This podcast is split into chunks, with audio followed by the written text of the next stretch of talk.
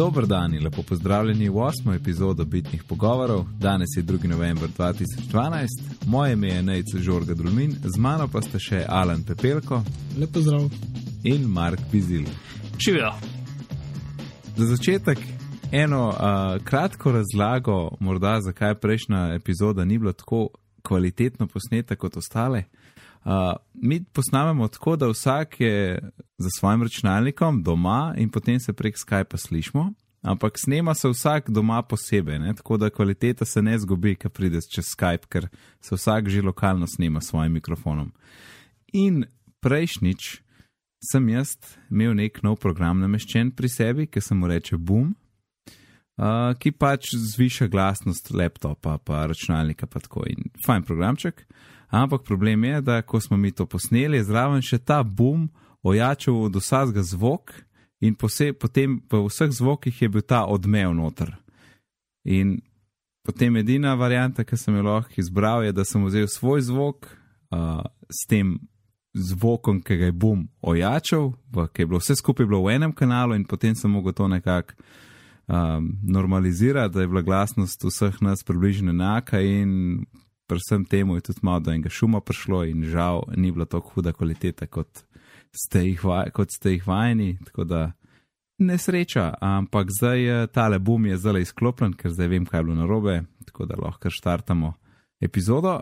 In Alan, ti imaš neke posodobitve glede World Cata, tega kataloga knjig in Delicious Library. Kaj si odkril od prejšnjič?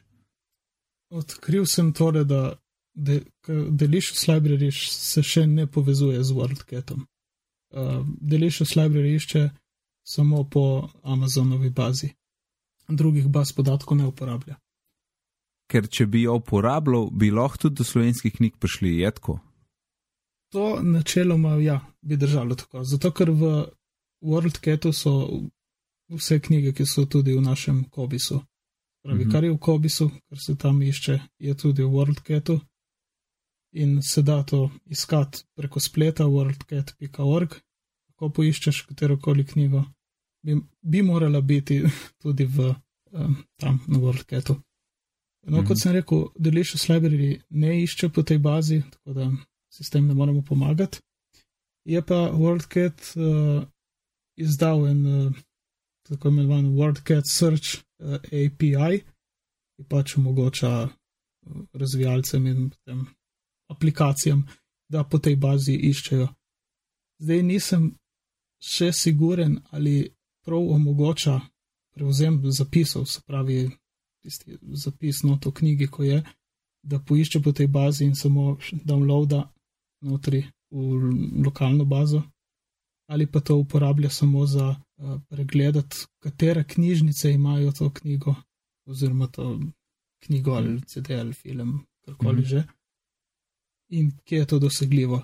Zdaj, pri nekaterih opisih, tukaj, ko sem gledal, piše, da naj bi sicer pogledal prav ta zapis in ga pobral, ampak pač vseh programov še nisem sprobal, uh, ali to res deluje ali ne, da to mogoče še prihodnji Tor, update. Torej je. Lahko mogoče pričakujemo, ne, da bo Delicious Library s kakšno posodobitvijo dobil tudi uh, WorldCat dodatek. Ne. Ja, zdaj tale API obstaja, tako da lahko bi poskušali. Mm. Pravi, nekaj, nekaj aplikacij za iPhone je že, uh, pač za iOS, nekaj tudi za Android sem videl. Tako da neke aplikacije to že uporabljajo. Bo testirano še ni, mislim, vsaj z moje strani. tako da, okay. kot sem rekel, en, en prihodnji update po to. No, upam, da bojo dodali. Ja. Uh, jaz imam pa tudi še eno zadevo za glede Instapaperja pa Kindla. Uh, prejšnjič smo tudi omenili, da obstaja en plugin za Chrome, ki ga je izdal Amazon, tako da lahko pošleš članke direkt na Kindle z enim vtičnikom, samo en uh, klik stran je ta funkcionalnost. Uh, in takrat nisem točen vedel, a obstaja tudi za Instapaper tak gumb, da bi lahko torej z. Uh, funkcionalnost Instapaperja poslal ti članek na Kindle. In obstaja torej bookmarklet, to, kar si dodaš ta, med zaznamke, tak poseben Applet, ki ti potem omogoča, da to pošleš, ampak samo v primeru, da imaš naročnino na Instapaper, ki je pa pač za, žal zelo draga, 3 dolarje za 3 mesece, torej 1 dolar na mesec. In uh, ti potem omogoča, da imaš ta bookmarklet, plus še pač enih par drugih bombončkov je zraven, tako da je mogoče tudi prek Instapaper direkt članek poslati na Kindle. Preden gremo na glavno temo, ki so e-knjige, uh, bomo se bomo slišali zdaj le še z Mihom Rekarjem, ki ima Kindle Paperwhite, tako da pojmo pogledati, kaj dogaja.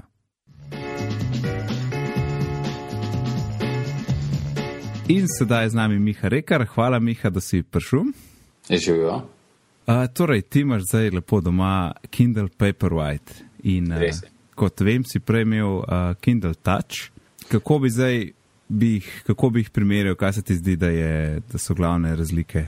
Ja, mislim, največja razlika je tako, da ima lučko. Um, ampak poleg tega, pa tisto, kar jaz bolj opazam, je to, da je ekran res nekajkrat boljši. Mislim, resolucija.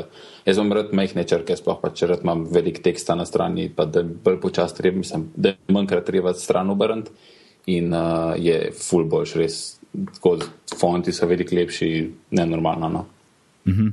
Torej, ostrina je uh, retina. Recimo. Ja, recimo, v bistvu ja, zelo bi se dal primerjati z prehodom iz 3GS na 4 no, ekran, tako res čist neki drugega. Pa si kaj probavo te nove pisave, ki so zdaj eh, dodane noter?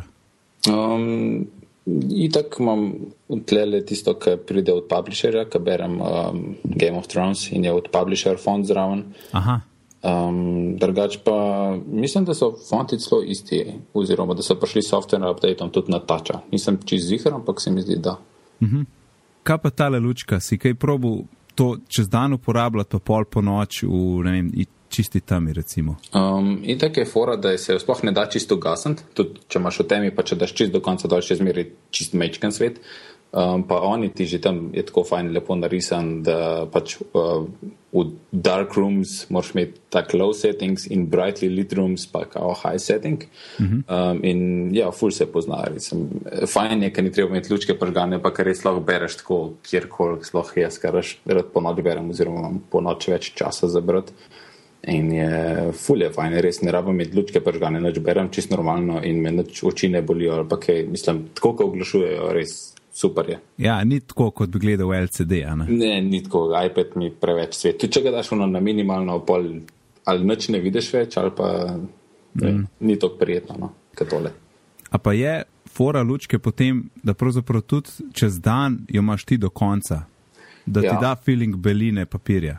Oni pravijo, da ja, mislim pač oglaševanje je tako, da bi mogel to delati, oziroma da pač imaš celo napisan, da pač, kadar je full svetlo, se dej do konca na svetlo. In če se da še res tako, ja, pač zgleda čist belo, sploh ni več tak normalen silkast ja, e-ink, ampak je tak čist bel in črke res tako ven stopijo in zgleda full dober.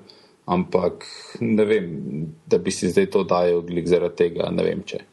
Pustim tam, kaj je, nisem še opazil, oziroma, ker itak je zunike svetlo, se e-ink tako samo od sebe ven prbije, ker pač, mm. ker ni LCD in, in dobro zgleda v vsakem primeru.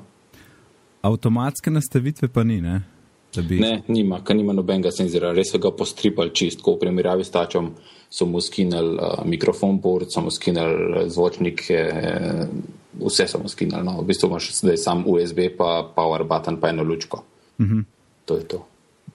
Ker sem bral revije na internetu, edin, edino, kar je folk opazil, pa jim ni bilo všeč, je, da, da, da spodaj ni enakomerno osvetljen in je ne par takih list čist na dnu.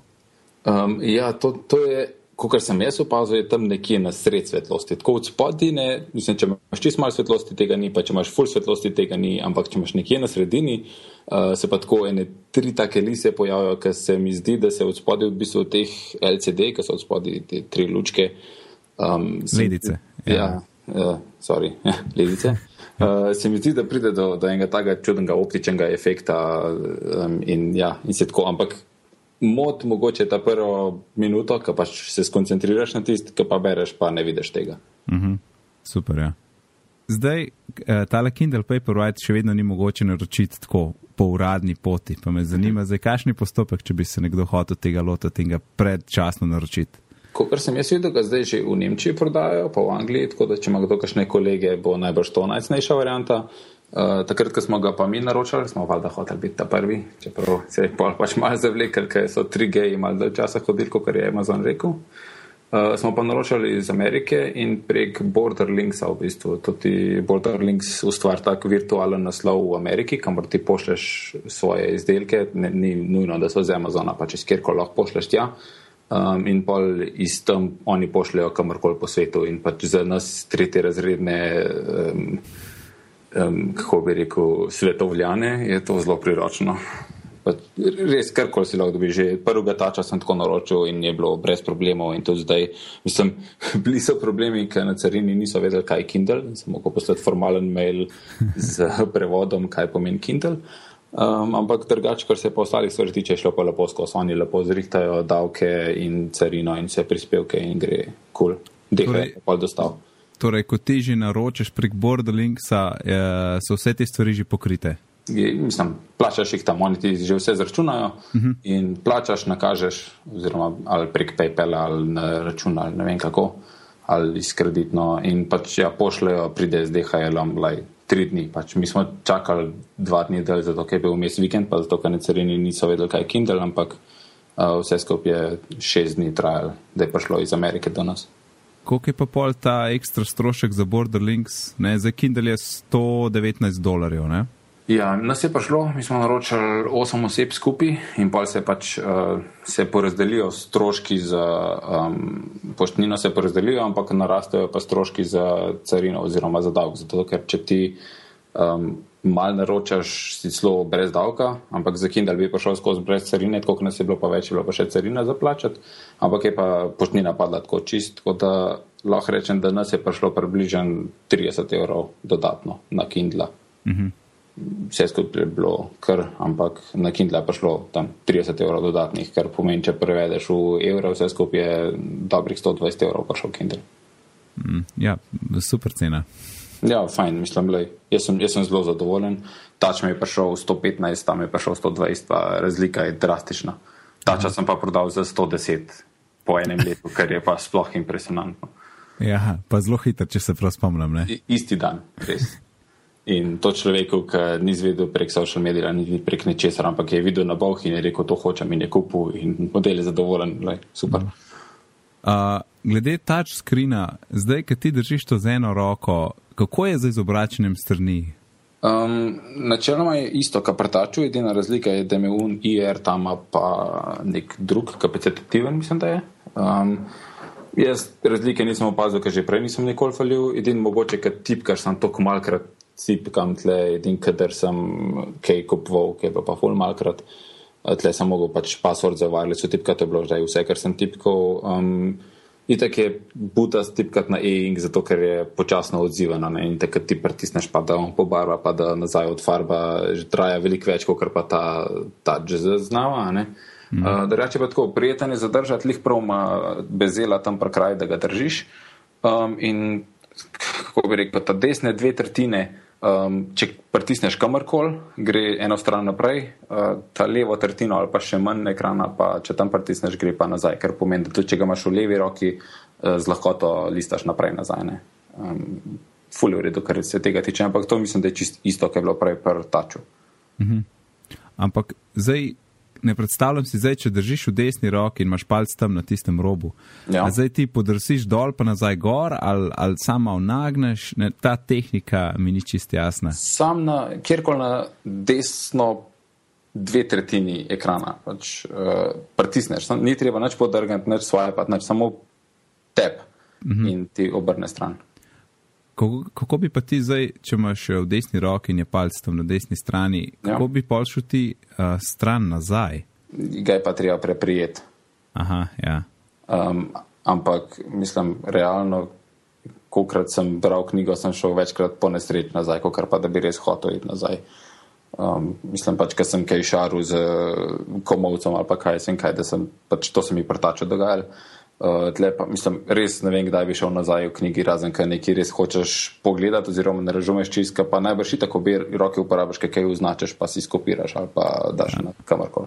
Mm. Drač pa ja, je mogoče, da jih ne dosežeš. oziroma najbrž.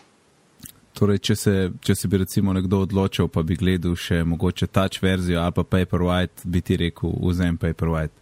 Ja, ja, definitivno. Se touch, mislim, da je discontinued, tako kar jaz vem, se Ja. ja. prodaja več. Ni, na strani ga ni več, ne, samo mogoče, ja. če bi kdo, ne vem. Uh, ja, niti, mislim, jaz osebno niti ne toliko zaradi lučke, ampak ekran sam po sebi je fenomenalen, res. V primerjavi s tačom. Uh, ja, vprašanja, ok. Prva stvar, kako globok v meniju moraš iti, da lahko spremeniš uh, z, uh, tole lučko, uh, Um, en, svetlost lučke. En tap na vrh in imaš takoj že lučko, še en tap in lahko nastaviš kok. Aha, V bistvu, cool. Pa, pa se zgodi, da jo velikrat spremenjaš ali jo pustiš nekje in je tako. Jo pustim nekje zato, ker se, kot sem rekel, jaz največ berem po noči in se nič ne spreminja uh, svetil, svetloba prostora, tako da mi ni treba spreminjati. Um, mogoče, če bi not pa ven hotel, da bi hotel spremenjati, sam ne vem, ali pa bi pustil nekje na sredinski svetlobi, pa bi popravil najbrž, če bi me motil, ker pa dvomam, da bi me. Ker tudi, tudi če daš do konca na svetlo, lej, prbije ven črke, ampak ni pa uno, da bi motil. Tako, taka lepa porazdelitev svetlobe je zanimiv efekt. Ja, cool. uh, si kaj opazil, da vpliva na baterijo? Ne, itak baterija tog časa drži, da še nisem prišel do, do te točke, da bi jo lahko sploh spraznil. lej. Vse, ja. Baterija je dva tedna in ne moreš. Pol je še zmeram legendarna Kindle baterija. Ja, ja. Super.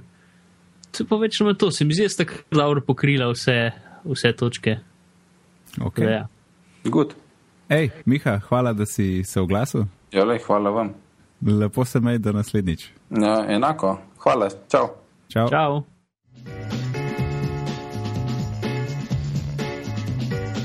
V redu, Kindle Paperwhite smo predelali, zdaj pa gremo kar naprej na naše e-knjige. Pa bi kar začel s prakso, kako Alan, kje ti bereš knjige, Mark, kako ti, kje, kaj, na čem bereš in tudi jaz, kako se tega lotim. Tako da lahko, Alan, kar začneš, kakšna je zdaj tvoja navada z e-knjigami. Uh, z knjigami ali tudi a knjigami. z obojimi. Oboje. Ja, berem oboje, tako uh, stare, uh, tiskane, kot novejše elektronske. Um, zdaj, pri elektronskih sem bolj usmerjen v angliške in preko Kindla, preko Amazona nabavljam knjige in pač potem, ko jih dobim, tiste, tiste ki so jim potekle avtorske pravice, one, ki so v public domain, javni domeni, pa potem si organiziram s Caliburom en program, ki da pač dajem gor na Kindle. Uh, Mhm. Analogne ostajajo slovenske, zato ker jih pač v Kindlu ni in uh, to je to, v glavnem. Ampak poleg, kin, poleg torej na Kindlu, pa tudi na iPhonu bereš pol prek aplikacije ali, Uh, to ali samo tako- raje e-papir. Ne, samo je papir, raje. Tisto imam tako bolj za, m, tako, ki na hitro pogledati, mogoče, če ni, ni Kindla pri roki, če je zaseden, kar je pogosto. Ampak drugače ne. Prav, da berem v pomenu, da si vzamem čas, se usedem ali uležem in primem knjigo oziroma to stvar v roke na pravo, je samo s Kindlom ali pa analogno knjigo. Hmm. Pa pretep, Mark. Ja, jaz sem rahlo čuden primer, uh, zaradi tega, ker, uh, ker imam dislekcijo, kar pomeni, da v bistvu zelo težko berem standardne knjige in uh, od, odkar sem odkril audio knjige, v bistvu uh, sem prebral izjemno malo standardnih knjig in to samo tiste, ki sem jih res mogel, ker pač ni bilo druge alternative. Tako da ja, večinoma pač te, ki sem jih res mogel in ni bilo druge alternative, so bile zato tudi analogne. Ne? In to so bili večinoma kakšni priročniki in take stvari in pač stvari za učenje itd. Uh, tako, zdaj šele pred kratkim sem pa v bistvu š, uh, pač, ko sem kupil iPad. Uh, in sem se malo bolj pozanimal za, za Kindle in iBooks in te zadeve, ker na telefonu je pač se niti ne da brati, kaj preveč. Uh, čeprav v bistvu ni res, čez poletje sem imel celo knjigo prebral na telefonu. Uh, to sem se ravno kar spomnil, še pred iBooksom, ko je bila kaj bila že neka aplikacija Stenza. Ja, uh, ki, preden je Amazon kupil Stenzo. Ja. ja, ki, ki so bile noter za ston knjige. Uh, tako da, glavnem to, to bo, ampak to je bilo že tri leta nazaj. No, ja, no, in zdaj pač večinoma jaz poslušam audio knjige. No, pri meni je pa tako, da torej, največ berem na Kindlu, uh, tudi, kot si rekel, ali včasih na, na, na telefonu, ampak najraje imam Kindle, uh, všeč mi je, da mi ne sije direkt v oči LCD zaslon, tako da Kindle mi je res všeč, tudi na morju je bilo odlično, na plaži sonce je nabijal in Kindle je bil, se je super izkazal, lahak je, fajn je zadržati. Um, včasih sem, tudi s sabo sem imel iPad, na momente sem ga malo pržgal in nič se ni videlo, tismo sonce, nič, šipa, torej zrcalo sem gledal, medtem ko Kindle je bil, je bil super. Ne. Tako da v glavnem na Kindlu, analogne seveda, če ni drugega. Ampak, če le mogoče poiščem knjigo na, v e-obliki, tudi, tudi zaradi samega fizičnega prostora, ker pač knjige vzamejo prostor. Zdaj pa kar pojmo naprej na ekosistem. Torej, če bi se nekdo odločil med Kindle pa iBooks in še nobene e-knjige nima in ne ve, kaj kupiti in kje začeti, mu moramo zdaj mi poskusiti predstaviti, kaj so plusi enega sistema, enega ekosistema, pa druga, pa kako smo se recimo mi odločili in zakaj. Mark, uh, Kindle ali iBooks? Uh, jaz pravim oboje.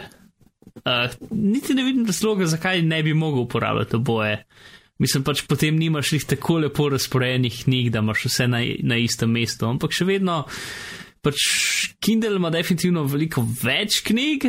Mislim, ja, no, čeprav nima slovenskih, iBooks pa ima slovenske knjige plus Uh, recimo, če rabiš kakšen uh, učbenik ali pa kakšno tako bolj tehnično stvar, spet se da dobiti full bolj interaktivne zadeve. Ne? Ja, to je res. Uh, ampak, ampak recimo, e, rečemo, ena knjiga je na voljo na Kindle, pa na iBooks. Zdaj moj predlog bi bil, da vzameš za Kindle verzijo.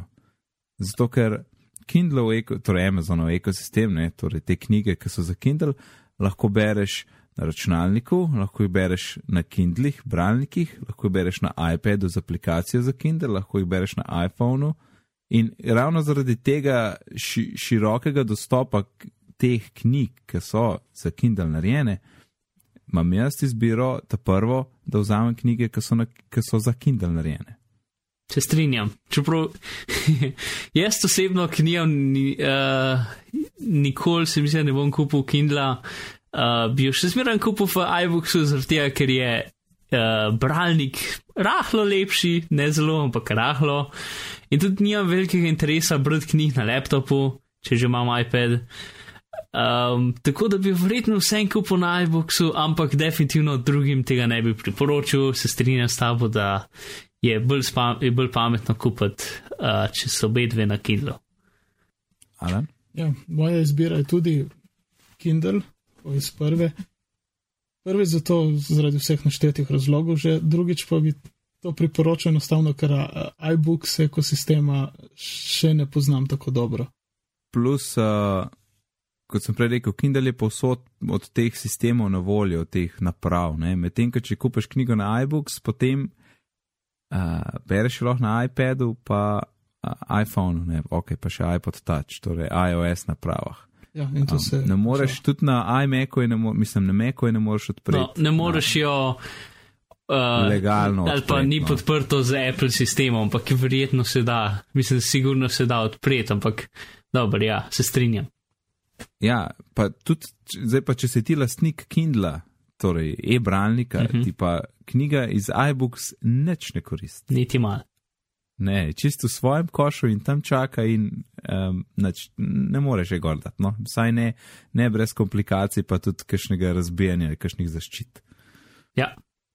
Za Kindle obstajajo tudi brezplačne knjige, ki so, mislim, da Amazon vsake tok pač neko promocijsko, uh, za neke promocijske namene iz neke knjige za en dan da za ston. In obstaja mhm. spletna stran FKB me, kjer vsak dan objavljajo, objavljajo 21-30 knjig, ki so brezplačne tisti dan in se splača s to spremljati, ker so, niso seveda tiste top hiti, ampak gre vse zanimive knjige, ki si. Ki pač so za sto, ne, ali drugače pa 5-10 dolarjev. Ne, če, te, če te kaj zanima od tistega seznama, si jo pač vzameš, pa potem pogledaš. In torej te knjige so tle razporejene v kategorije, v torej leposlovje, v neleposlovje, v um, učenje jezika, hrana, pa otroške, mladinske knjige. Potem pa še knjige Kindle, ki so vedno zastonne. In če grem na non-fiction, torej ne leposlovje, ne, tle so pač biografije, uh, poslovne, podjetniške knjige, družinske uh, fitness, šport, osebni razvoj, potovanja. Ja, zraven je pa tudi tako številko, vsaka knjiga ima številko zraven, ki ti pove, koliko je nekih, koliko je reviewjev na Amazonu, koliko je ocen za to knjigo. In s tem tudi dobiš feeling, kaj je knjiga tako bolj popularna ali manj, ali nič, ne, ali v bistvu zelo neznana. In tle se da kar dosti knjig dobiti. Zdaj vsak dan spremljam, kakšne dve izberem in to se že full nabira. Sej ne vem, kdaj bo čas to brati, ampak so tam, približno vem, kje sem zbral in gremo potem vedno pogledati.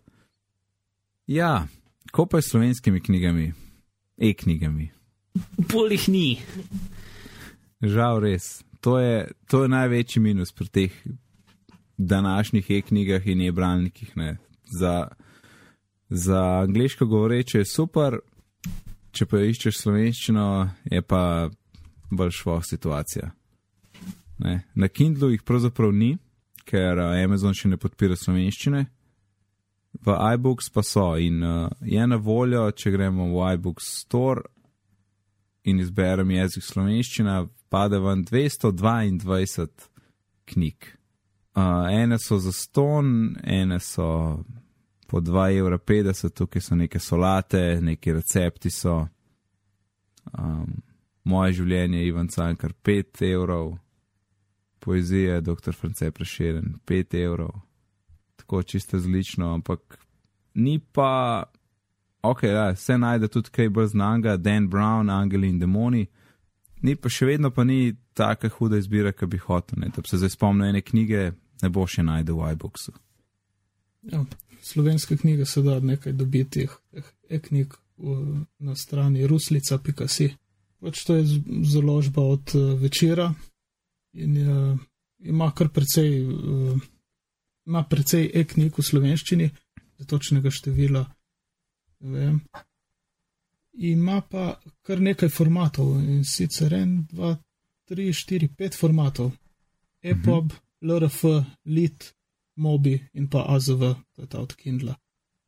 Uh, da, treba se je prijaviti na spletno stran z uporabniškim imenom, geslom, uh -huh. se izbere knjigo in uh, se bo potem pa je treba na, na Kindle dati ali se pošlje preko tistega maila namenskega ali z, uh, ko ga vklopiš v računalnik, preseliš mm -hmm. gor knjigo. Tako da ni, ni nekakšnega avtomatizma, da bi šlo avtomatsko tja. Ja, da se to je nekaj. Je izven Amazonove trgovine, Ana. Ja, ja, to je čisto izven, ja. A, čeprav mislim, da je, pa, da je mobi format ta prav za Kindle, ni Mark.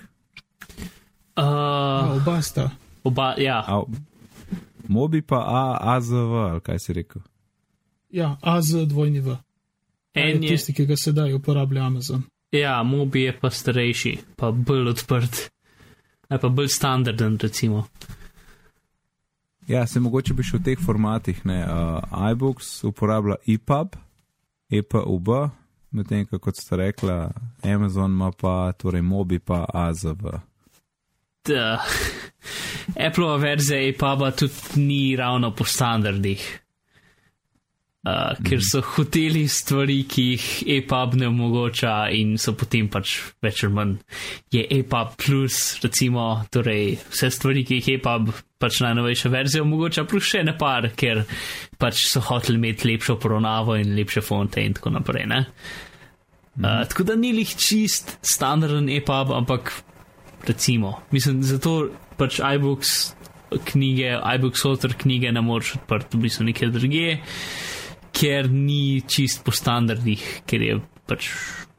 bolj, Ja, tisto je pravzaprav čist svoja, tisto tist bi če težko rekel, navadna e-knjiga, tisto je že multimedijska Ja, e-knjiga. ja. Ampak Ker tisto tist je čist, No, si, čisto osnovna, posebej, no. ja, ok, dve, ampak tudi čisto osnovna iBooks uh, offer knjiga, ki jo lahko eksportaš pod, uh, pod EPUB, je še vedno EPUB plus nekatere stvari, ki jih bo mogoče verjetno dodali v naslednji verziji EPUB-a. V glavnem. Uh, ja. Mhm. Ampak Apple je EPUB in bere EPUB, tako da če daš kjerkoli EPUB knjigo noter po iBooks, ja, jo, jo če, če vidiš kjerkoli format, ki je e-pub eh, za kjerkoli stvar, pol veš, ok, lahko dam na v, v iBooks. Ne. Ja. Tako Obsta- knjig naj bi bilo v Ruslici s- preko 160, ko en hiter izračun. Mhm. Uh, pol pa obstaja še e-knjiga.si, uh, s kjer so pa slovenski klasiki, ne, kaj tudi po, je že pote, so potekle avtorske pravice, tako da so brezplačne knjige. Uh, in je tudi na voljo EPUB, MOBI in PDF. Skoraj vse knjige imajo, so, so, imajo vse formate podprte, nekatere so samo PDF, nekatere so samo tiste uh, EPUB pa MOBI. Ampak uh, je pa 95 knjig, ne, tako da je mogoče tle tudi dobiti še zastonske slovenske in jih potem tudi pos, pač naložiti ali poslati kako koli na naš bralnik. Ja, tako da, če imate željo brati, ne vem, klasične slovenske knjige, recimo Jara gospoda, so tukaj na voljo, za ston. To je tisti, ki imajo domače branje, pa je vse pobrano iz knjižnic, bojo veseli tega. Ja, Yep. Srednja šola. In... to je recimo ena uporaba, ja. Zdaj, če probamo mi tole zaključiti, kar se tiče ekosistemov in uh, abi Kindle, abi iBooks, moj predlog je knjige, te navadne, jemliš na Kindlu, na Amazonu, ker jih imaš pose, potem posod na voljo, tiste multimedijske, ta posebne pa v iBooks. Pa seveda slovenske, ker žal niso na voljo drugene. Da, če Mhm. imaš samo Kindle bralnik, torej e-papir, potem itak nimaš, ne, tako, tako ne moreš do iBooksa priti, ker rabiš iPad ali pa iPhone. Oziroma za tiste multimedijske sploh ne delajo na iPhonu, ne, ker, so, ker je premajhen format. Ja, ti iPad. samo za iPad, ja. Tako da tako, ta tako nekako je moja praksa. V glavnem vse, v glavnem Kindle, iBooks pa za posebnosti recimo. Ja. Pritorjujem. Ja, mogoče še ena taka zelo velika praktičnost je š, pri knjigah je še to. Ne? Če, bi ti, če imaš ti Kindle in bereš na Kindlu in ga potem enkrat zgubiš, nisi izgubil tistih knjig. Vse knjige so v oblaku, pa Amazonu ali pa pa Apple, ker je vse pod svojim uporabniškim računom in karkoli si ti kupil, vejo, da si kupil in lahko še desetkrat dol potegneš brez problema. To je ena taka zadeva, ki mi je zelo všeč, tako da vem, da kakorkoli bom jaz naprave zgubljal ali pa uničil ali karkoli. Moje stvari so še vedno dostopne in so zastonno na rokovajih, ker so že kupljene. Mhm. Čeprav so bili tudi že pro, s, uh, stvari, ki so, ki je Amazon recimo zbrisal den Kindle in zbrisal vse knjige in zbrisal njihov račun brez kjerkoli razloga. Sicer ti problemi so pol prišli v medije in pol so hitrco, na hiter uh, popravili to, ne? Ampak ja, pač vsake, ne vem, se mi zdi, da vem za dva primera. En je bil tako pred par tedni, ker neki ženski iz Skandinavije uh, se zbrisali cel Amazon račun in vsa knjige in vse in, in remote ali Kindle in tako naprej. Uh, O, še to. ja, tako, pa tudi po licenci knjige v bistvu niso tvoje, ampak jih ti imaš licenčno pogodbo s Kindlom, ampak dobro. Uh, za for all intents and purposes so tvoje. Tako da pač nimaš 100% te uh, varnosti, kot če bi kupil analogno knjigo, ampak definitivno, po mojem mnenju, uh, praktičnost digitalne knjige uh, premaga ja. uh, pač neke male pomisleke o varnosti in zasebnosti in ne vem čem. Ja, ja. Mislim, da tisto so, a veš, to je, ne vem, na 10 milijonov uporabnikov je mogoče en problem, ne? Ja, ali pa še manj. Ja. ja. Zdaj pa naredimo prehod na audio knjige, ki si jih ti že na začetku, Marko, omenil. Um, in pravzaprav audio knjige pri nas so zelo nerazširjene. torej v Sloveniji, za, za te nove knjige, ki pridejo ven, pravzaprav ni mogoče dobiti audio knjig. Neke mehne zbirke so pri teh društvih za, za slepe in slabovidne. To smo z Majem enkrat malo raziskvala, kako kakšne situacije pri nas s tem audio knjigami in praktično jih ni. Čeprav zanimivo, ne, za otroke imaš cel kup, cel kup zgodbic na kasetah, tudi mi smo jih poslušali, ne, ampak za odrasle pa nekako ni. Ne, in uh, seveda na voljo so stvari v angleščini in uh, jaz poslušam knjige, ki jih kupim pri audible.com, katerega je tudi lastnik Amazon. Um, in pravzaprav gre nič posebnega. Nekdo, nek govorec, prebere knjigo in ti jo poslušaš. Zdaj, kakšna je kvaliteta tega, je čisto odvisno od samega bralca. Eni se zelo potrudijo pri menjavi glasov različnih likov, drugi berejo čisto pač brez tega uživljanja. Tako da čisto različen je ta občutek tiste knjige takrat pri tem poslušanju. Je pa običajno taka knjiga, se mi zdi, povprečna tam okoli 12 ur pride, medtem ko tiste Game of Thrones se mi zdi, da je kar 24 ur. Tudi ta, tudi Steve Jobs biografija je 24 ur, se mi zdi, da je dolga. Ja. Čeprav lahko poslušaš prevečkratni hitrosti, no? Ja, to je res, ja. lahko 1,5 kratno hitrost izbereš. Ja. Ali pa 2 ali pa 3. S trikratno hitrostjo poslušaš nekaj, kar je zelo zabavno in moraš biti izjemno zbran, ampak se da. In kdorkoli, ja. če slučajno poslušate ta podcast eh, z, več, s, hitr, s hitrejšo hitrostjo, kot bi bilo priporočeno, je zdaj bil čist smeden. Res. ja, Mark, če se ne motim, tudi na Audible kupuješ knjige. Ja, uh, to je moj večinski vir knjige. Tell us more. Tell us more. Uh, Znači, tista stvar, ki je najbolj uh, pomembna, recimo, kar se tiče Audible, je to, da pač spet, ker so Amazon in tako naprej. Če, če ti prideš v Sloveniji, uh, potem v bistvu imaš, ne vem, za različne kraje so različne pogodbe s knjigami. Ja. Um, ker pomeni, da če, če ti daš svoj slovenski naslov noter in tako naprej, v bistvu boš imel, ne boš imel dostopa do vseh knjig, kar je sploh nadležno. Uh, Lih tisto boš plačal za njih in vse, ampak dostopa boš imel pa verjetno do ene tretjine knjižnice tam nekje. Ja. Um, in ja, to so se mi teoretično, si... ja, teoretično se da prideti okoli tega. Um, tako, da bi nekdo lahko uh, preprosto, potem ko uh, da noter svoje vse podatke, ki so pravi, kasneje preprosto zamenjal teoretično svoj naslov na nek uh, pravi ameriški naslov in potem bi teoretično Kindle sprejel ta naslov in ti dal dostop do cele knjižnice, brez da bi preveril, ali to kakorkoli vplivalo na tvoje plačevanje uh, Kindla. To je teoretično in mogoče funkcionira. A ne vemo, da to praktično uh, funkcionira?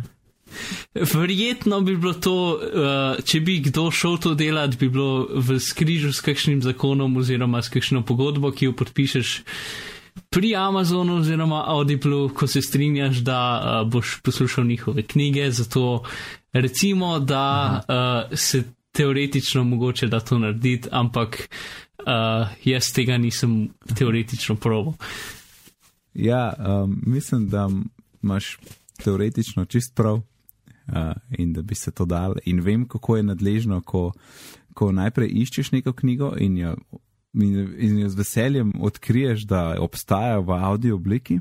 Mm -hmm. Pa se pa upišeš v svoj uporabniški račun. In je ni. In pa enkrat tista knjiga zgine. Ja. ja in je zelo, zelo zafrustruje. Ja, in potem po možnosti najdeš eno knjigo in se po dolgem času odločiš, jaz bom zdaj končno kupil ta Audible, ki spet ni tako grozen pocen.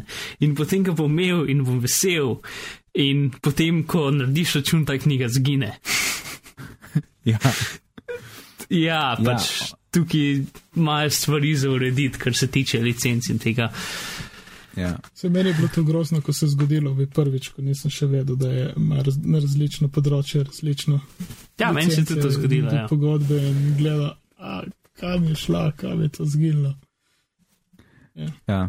Drugač pa Audible, kar se tiče cen, um, koliko je, je 14 dolarjev, 15 dolarjev, koliko je tisti minimum? Tam nekje. V glavnem, definitivno se ne Ja. splača vsako knjigo posebej kupiti, če misliš več Ne. kot eno obrat. Ja, ker njihov pri njih je približno nek go, zlati membership račun, nekaj taga se reče. In uh, recimo, da je 14 dolarjev na mesec, dobiš eno knjigo na mesec, oziroma dobiš za 14 dolarjev dobiš takrat en kredit, kar je v bistvu 90% vseh knjig stane en kredit. Ne. Tako da drugače povedan, eno knjigo na mesec dobiš za ston, ne, za tisto, za tisti znesek naročnine. Mhm. Ker sicer so knjige tudi 25 dolarjev in več, in v bistvu, če boš Ja, eno, dve, dinamič, tri, ja, dinamično so nekako po, po, po koliko so dolge, drage. Ne? Tako če krajše Ja. je cenejše, daljše je dražje, ampak po kreditih so pa ja, 90 ali pa še več procentov knjige en kredit. ja, tako da v bistvu knjiga na mesec. Ne. Tako da, če recimo hočeš uh, ve, ve, veliko knjige za to, za, na, na kilo cene, uh, potem recimo kupiš Steve Jobs knjigo, ki za en kredit dobiš uh, 24 ur, za razliko Ja. od kakšne druge knjige, ki ne vem, 7 ur za isto denarje. Uh, Ja, pa, naj, pa tudi najdejo se neke kratki članki, pa tak, ker so tudi en kredit, pa Ja, je ja. ena ura, recimo. Ja, ja. ali pa še manj, so, ja, točno so kakšni uh, uh, članki, ja, iz raznih strokovnih Iz revij in takih zadev. Ja. ja. ja. Uh, in govori in take zadeve tudi. Uh, in so isto en kredit. Tako da ja, pač moraš, uh, moraš zbrati to, kar bi rad poslušal. Ampak v glavnem je ogromna knjižnica, zelo veliko knjig, pač američani imajo očitno zelo radi audio knjige. In večino ameriških takih top-selling knjig, recimo temu, izide v audio obliki ali takoj ali pa kmalo po izidu. Plus Audible ima tudi svojo lastno založniško zadevo, ki stare knjige uh, dajo v audio oblike. Uh, tako da tudi knjige, ki še niso bile, uh, dodajo, pač jim dodajo audio oblike, kakšne starejše knjige. Uh, tako da tega je veliko. ja, Audible ima tudi, uh, torej poleg spletne, seveda, pol, kje pa to poslušaš, a ja, točen. Um, oni imajo kar dosti zaščiten to, da se ne da kar kopirati in pravzaprav ti tam zbereš, kakšno napravo imaš. Zdaj pri nas, ki smo bolj na Apple usmerjeni, obstaja tudi uh, iOS aplikacija za Audible, Mhm. ka, ki jo naložiš na iPhone, se upišeš na Audible račun in potem imaš tele takoj uh, moja knjižnica in imaš seznam vseh nepodownloadanih knjig, ne po domač. In tle ti da cel seznam, jih lahko potegneš dol. This is Audible. Steve Jobs. Written by Walter Isaacson. Read by Dylan Baker. With an introduction read by the author. uh, torej Jobsa biografija. Um, Máš uh, to, kar si prej rekel, Mark, te hitrosti, Audible podpira enkratno, ena in polkratno, dvakratno, pa trikratno hitrost. Zdaj, po mojih izkušnjah, ena pa pol, pa dva, ena pa pol mi je super, dva se še da, tri mi je pa čist prehiter. Tri je prehiter, ja, to ne vem. Jaz v tri ne zmorem. Dva pa gre. Ja. Čeprav spet večinoma jaz rad, ker rad uh, normalno poslušam in se koncentriram na to stvar. Mislim, nikoli ne grem, ne vem, si ne rečem, oh, groza še, ne vem, to kur in nimam časa tega narediti, zato bom pohitil. Zmerno pač, mislim, ni kot da berejo. No, razen če imaš kakšnega izjemno počasnega bralca ali. Ja. Uh, Ja, ja, vem, to, točno to. E, Kakšni pač bolj počasi berejo in poleti. Hitchens, recimo Hitchens, Aha, ja. Christopher Hitchens. na ena ja, pa pol. ali pa na dva. Um, ja, to je še ena stvar, ki se mogoče da omeniti.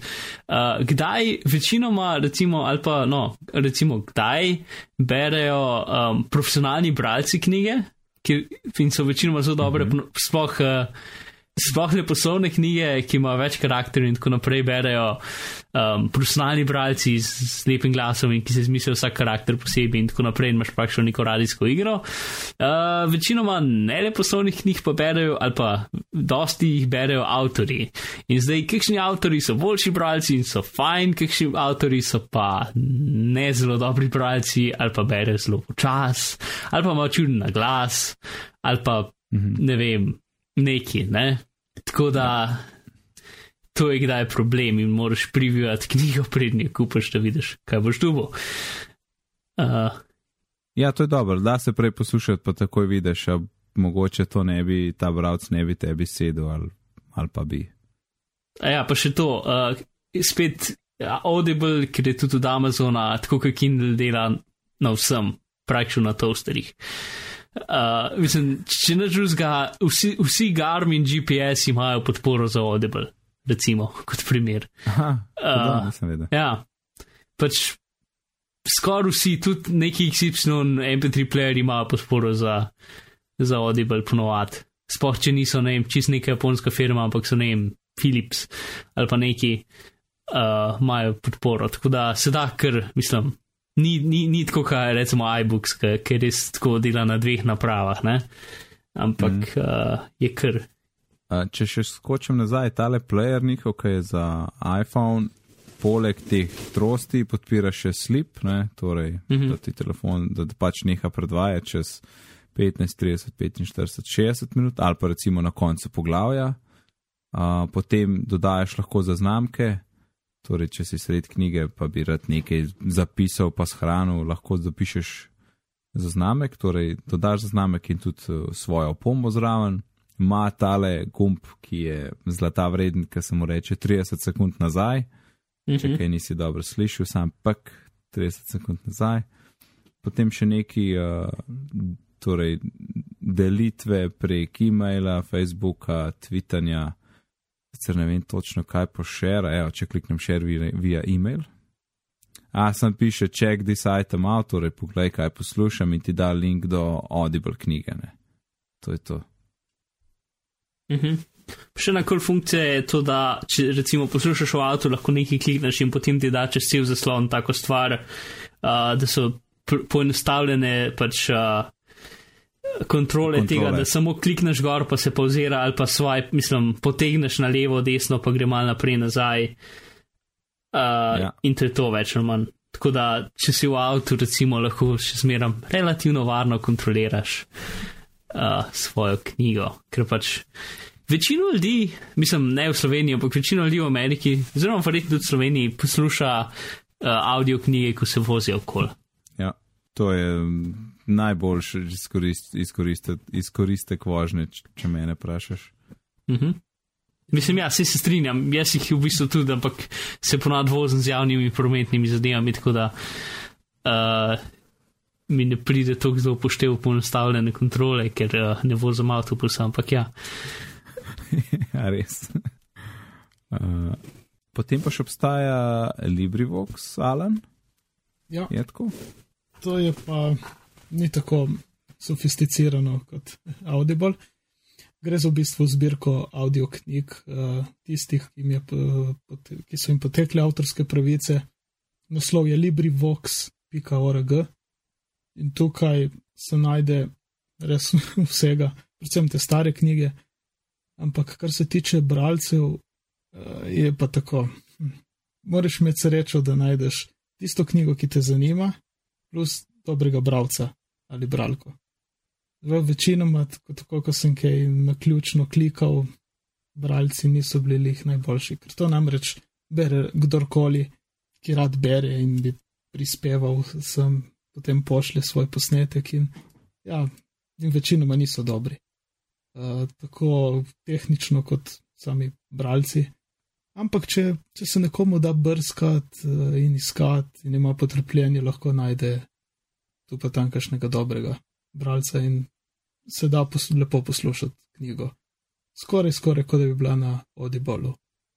Yep. Potem pa še obstajajo knjige kot podcasti, si mi omenil, Mark.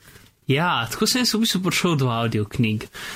Uh, in sicer 2006, recimo, so, je ene, dva, tri avtori so to v bistvu času začeli, da so pač bili neki avtori, ki so full hotel imeti knjigo in so jo poslali vsem mogočim založnikom in so vsi zavrnili. In pa so rekli, a, ok, dober, pet let že to knjigo hočem zelo pač izdati in noben noče, tukaj so ti podcasti neke nove zadeve, jo bom pa dal ven in jo bom pač zaston. Uh, en chapter na te, mislim, eno ali pa ne vem, pol ure te knjige, audio knjige na teden, in jo bom prebral, in bo pač to nek način za promocijo. Ne? In če bo to pol ljudje interesirani, bo mogoče hotel pol kupiti to knjigo, ali pa pač bom si naredil neko občinstvo. Ne? In tako je ene par avtorjev uh, prišlo. Najbolj znan od teh je Scott Ziegler, ki je zdaj New York Times, New York Times best-selling author itd. in ima pač fully uspešen rad od tega. Pač in v glavnem, obstaja ena spletna stran, ki se imenuje audiobooks.com kot audiobooks z podom kot Torej, podcast. Podiobooks. Je audiobooks. In tukaj je nekakšna zbirka vseh teh knjig, ki so že išle, kar pomeni, da to so polne knjige, ne? ki so bile že podkastirane, cela knjiga, jih potem avtori lahko dajo v to bazo knjig. Uh, in tukaj ne vem, več sto teh uh, pač audio knjig, ki so večinoma zelo dobre. Po vseh temah in spet tukaj jih lahko rej, jih ljudje rejtejo in tako naprej, tako da so razporejene tudi po cenah. In uh, to, drugače pa pač siguren je trenutno vredne ne sto različnih knjig, ki jih ljudje trenutno podcastajo, pač recimo eno poglavje na teden. Tako da to je en način, kako v easy brati. Sploh tudi več knjig pol naenkrat bereš, če bi lahko temu tako rekel. Ne? E, tole je full dobro. Pa tega je ogromno. Yep. Pa večina od teh knjig so dejansko dobre. Mislim, jaz sem, ne vem, vsaj ne 20-30 takih knjig prebral, ki so čisto neznanih avtorjev in so dobre in dosto teh avtorjev pa tudi šlo naprej, da so dejansko postali uspešni, ker to je tak dober način, da dobiš občinstvo, da potem. Uh, kot je enkrat le rado dobiti knjigo, po možnosti en procent teh ljudi pa kupi knjigo, ker so fani. Ne? Mhm. Uh, Torej, tle, ki gledamo tele uh, tam zap, ne, tele uh, Mhm. všečke, torej tele top 5 smo lahko zihar, da so dobre. Ne? Ja, od teh sem jaz uh, tisto, kar četrtem mestu nim prebral. Ja, te, pa sploh na drugi mislim, fulje dobrih knjig, no. Pač tudi, ne, med temi so, f- ne vem, dobre so. glavnem. mislim, ni, večinoma teh so avtori, ki so res zagreti za svojo stvar do te mere, da so šli celo svojo knjigo prebrati, ker spet ni mali podvig, ne. Tako da tisto, kar pride ven, pa tisto, kar pride do tukaj, je dejansko pon- ponovadi kvalitetno. Uh, ja. Kako pa se pol, aha, če kje pa se pol naročiš, aha, listen in iTunes, pa RSS feed imaš direkt, aha, ja, Yep. yep. tako. Ja, super, tole, tole bo treba preveriti. Ja. No, zdaj smo predelali knjige, e-knjige, audio knjige, zdaj so pa na vrsti naše priporočila. Tokrat ne bojo na vrsti aplikacije, ampak kar knjige oziroma audio knjige. In povej nam, Alan, kaj si ti pripravil za nas? Tako, jaz bi vam rad vsem priporočal audio, knjiga, audio knjigo It, avtorja Stephena Kinga. Že sama zgodba je meni vsaj odlična.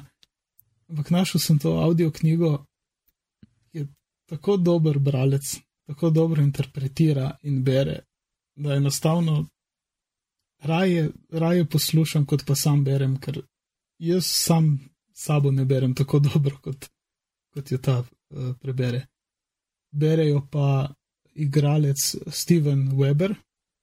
In uh, res, če imate kje možnost, uh, jo res priporočam.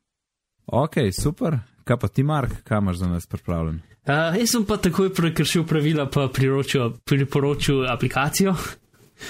Uh, čeprav, no, ta, ta je spet ena za, uh, recimo, temu Apple usmerjene ljudi, čeprav, oh, to knemanem, ker ljudje tako kvalificirajo, ampak zdaj bom še jaz.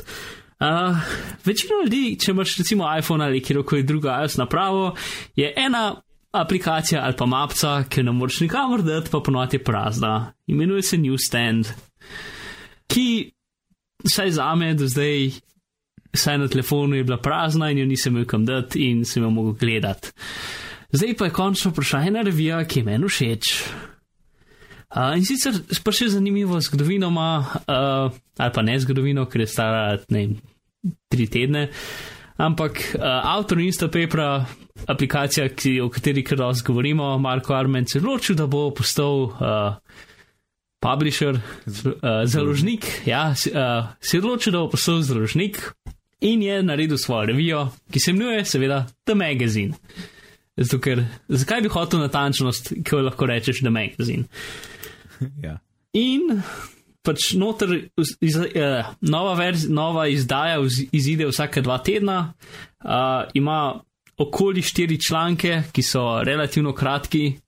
Tako da plus je zelo simpel, ni tako kot druge revije, ki dobiš nek 500 megabajten PDF, ki si ti potem eno uro downloada in potem moraš čez njega gledati, in potem imaš neke animacije, ne vem kaj ampak je tekst, ki ga lahko prebereš, pomor si ga lahko zbereš, pomor si ti ga lahko telefon prebere. Ampak v glavnem, tekst je, pa linki so, pa footnote in to je to, mogoče kakšna slika kdaj, čeprav do zdaj še ni bilo. Um, tako da je zelo enostavno. In plus tisto, kar je meni velik plus, ni podprto z reklamami, ker je vsebina na internetu zmeraj podprta, ali pa skoraj zmeraj podprta z reklamami in pač potem moraš gledati reklame. To je podprto z denarjem, ki ga plačaš, ker pomeni, da moraš vsako izdajo plačati.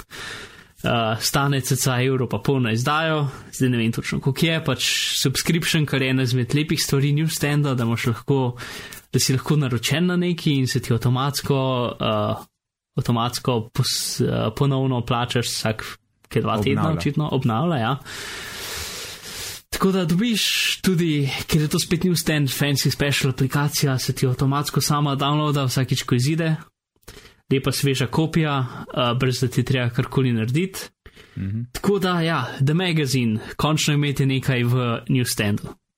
A, mogoče še kaj o vsebini. Uh, A ja, točno. Sami vsebini, ja. Uh, hitro opis bi bil članki za geeke. Uh, torej, ni direktno o tehnologiji, ampak je o zadevah, ki bi zanimale ljudi, ki jim je všeč tehnologija. Ja, do, mislim, da si dobro pozel. Ja. ja, tako da so pač ti uh, taki dobri standardni pisci na inter, internetni pisci, ne vem, uh, Jason Snell, Guy English. In pač te, John Syracuse. Ja, John Syracuse, Gina Trapeni, pač te, ki so znani pisci za ne vem, pač te razne znane bloge. Um, ja. In plus v, v, v prihodnosti jih bo, še, jih bo še več, in tudi če, če si pisec, lahko predlagaš članke in tako naprej. Uh, in ja, in pač oni pač pišejo stvari, ki ponovadi niso, mislim, ki niso direktno v tehnologiji, ampak so ne vem o tem, kako se kvalitetno obrit, ali pa um, razmišljanja o, o, o, o, o bivanju in o tem, kako ljudje živimo s tehnologijo. In ti članki so na dosti različnih tem, večinoma, kot sem že rekel, uh, za ljudi, ki jim je všeč tehnologija, ampak ne direktno o tehnologiji. To bi bil najboljši opis. Ja, ja torej The Magazine na voljo v, v Newstand oziroma uh, iTunes App Store. Yep. Jaz imam pa eno literarno delo, ampak tako zelo zabavno, naslov je Skinny Dip, uh, je na voljo na Audible. Um, in uh, gre za to, da je uh, en, en Charles, je, pa ena jo Joey, njegova žena, in ona dva sta bila na enem nekem potovanju. In je pač on se odločil, da je bo vrgel čez krov in uh, ubil, ne, ker pač je imel nekaj, ne vem kaj že hotel, v glavnem bil je bad guy. In on je njo vrže čez, ona pade, tam je full mrzlo morje pa to, ampak ona je bila neka huda olimpijska plavalka in je v glavnem padec preživela in tudi odplavala nekam stran, potem jo nekdo rešil in se potem ona odloči tam, ka okreva pr pač enemu tipu, da pa bo ona njemu to vrnila. Ne? In on pravzaprav skozi večino zgodbe mislil, da je ona mrtva, ampak ona se pol prikrade nazaj v hišo in mu neke stvari podtika in ga straši tako in drugače, skoraj kot da je ona duh. Uh, ampak kon, potem je še tle detektiv, ki rešuje njeno izginotje, pa mu je vse skupaj malo sumljivo, ta Charles mu je tak sumljiv tip. Um, in uh, zelo mi je bilo všeč, ker je tako je govoril, isto se je ful potrudil, uh, za Charlesa imel en glas, za Joe imel en glas, za detektiva imel en glas. Uh, za tega tipa, ki je Joey rešil, bo en glas. In res tako, full dobro je govoril in čisto noč sem padel. Tudi zgodba je taka humoristično, mislim, ni, ni komedija, ne, ampak te situacijske scene so full dobre, kako na njega potem tam hi. Um, torej, zafrkava, da ne bom grde besede uporabil. In tako, zelo zabavno poslušanje, no, tako sproščeno. In uh, torej, skinny deep v seboj povezave potem v podkastu, ampak uh, na voljo v, na audible.com. Evo, lej pa smo prišli do konca, tako da lahko zapakiramo osmo epizodo bitnih pogovorov. Hvala, Alan, povej, uh, kje te lahko najdemo. Twitter, Nik, Alan Pepelko in to je to za zdaj. No, Mark, kje pa lahko tebe najdemo? Na DuckDuckGo, ki je iskalnik primerljiv z Googlom, uh, upišite noter Mark Bizil in ven dobite vse moje povezave. Ok, the best.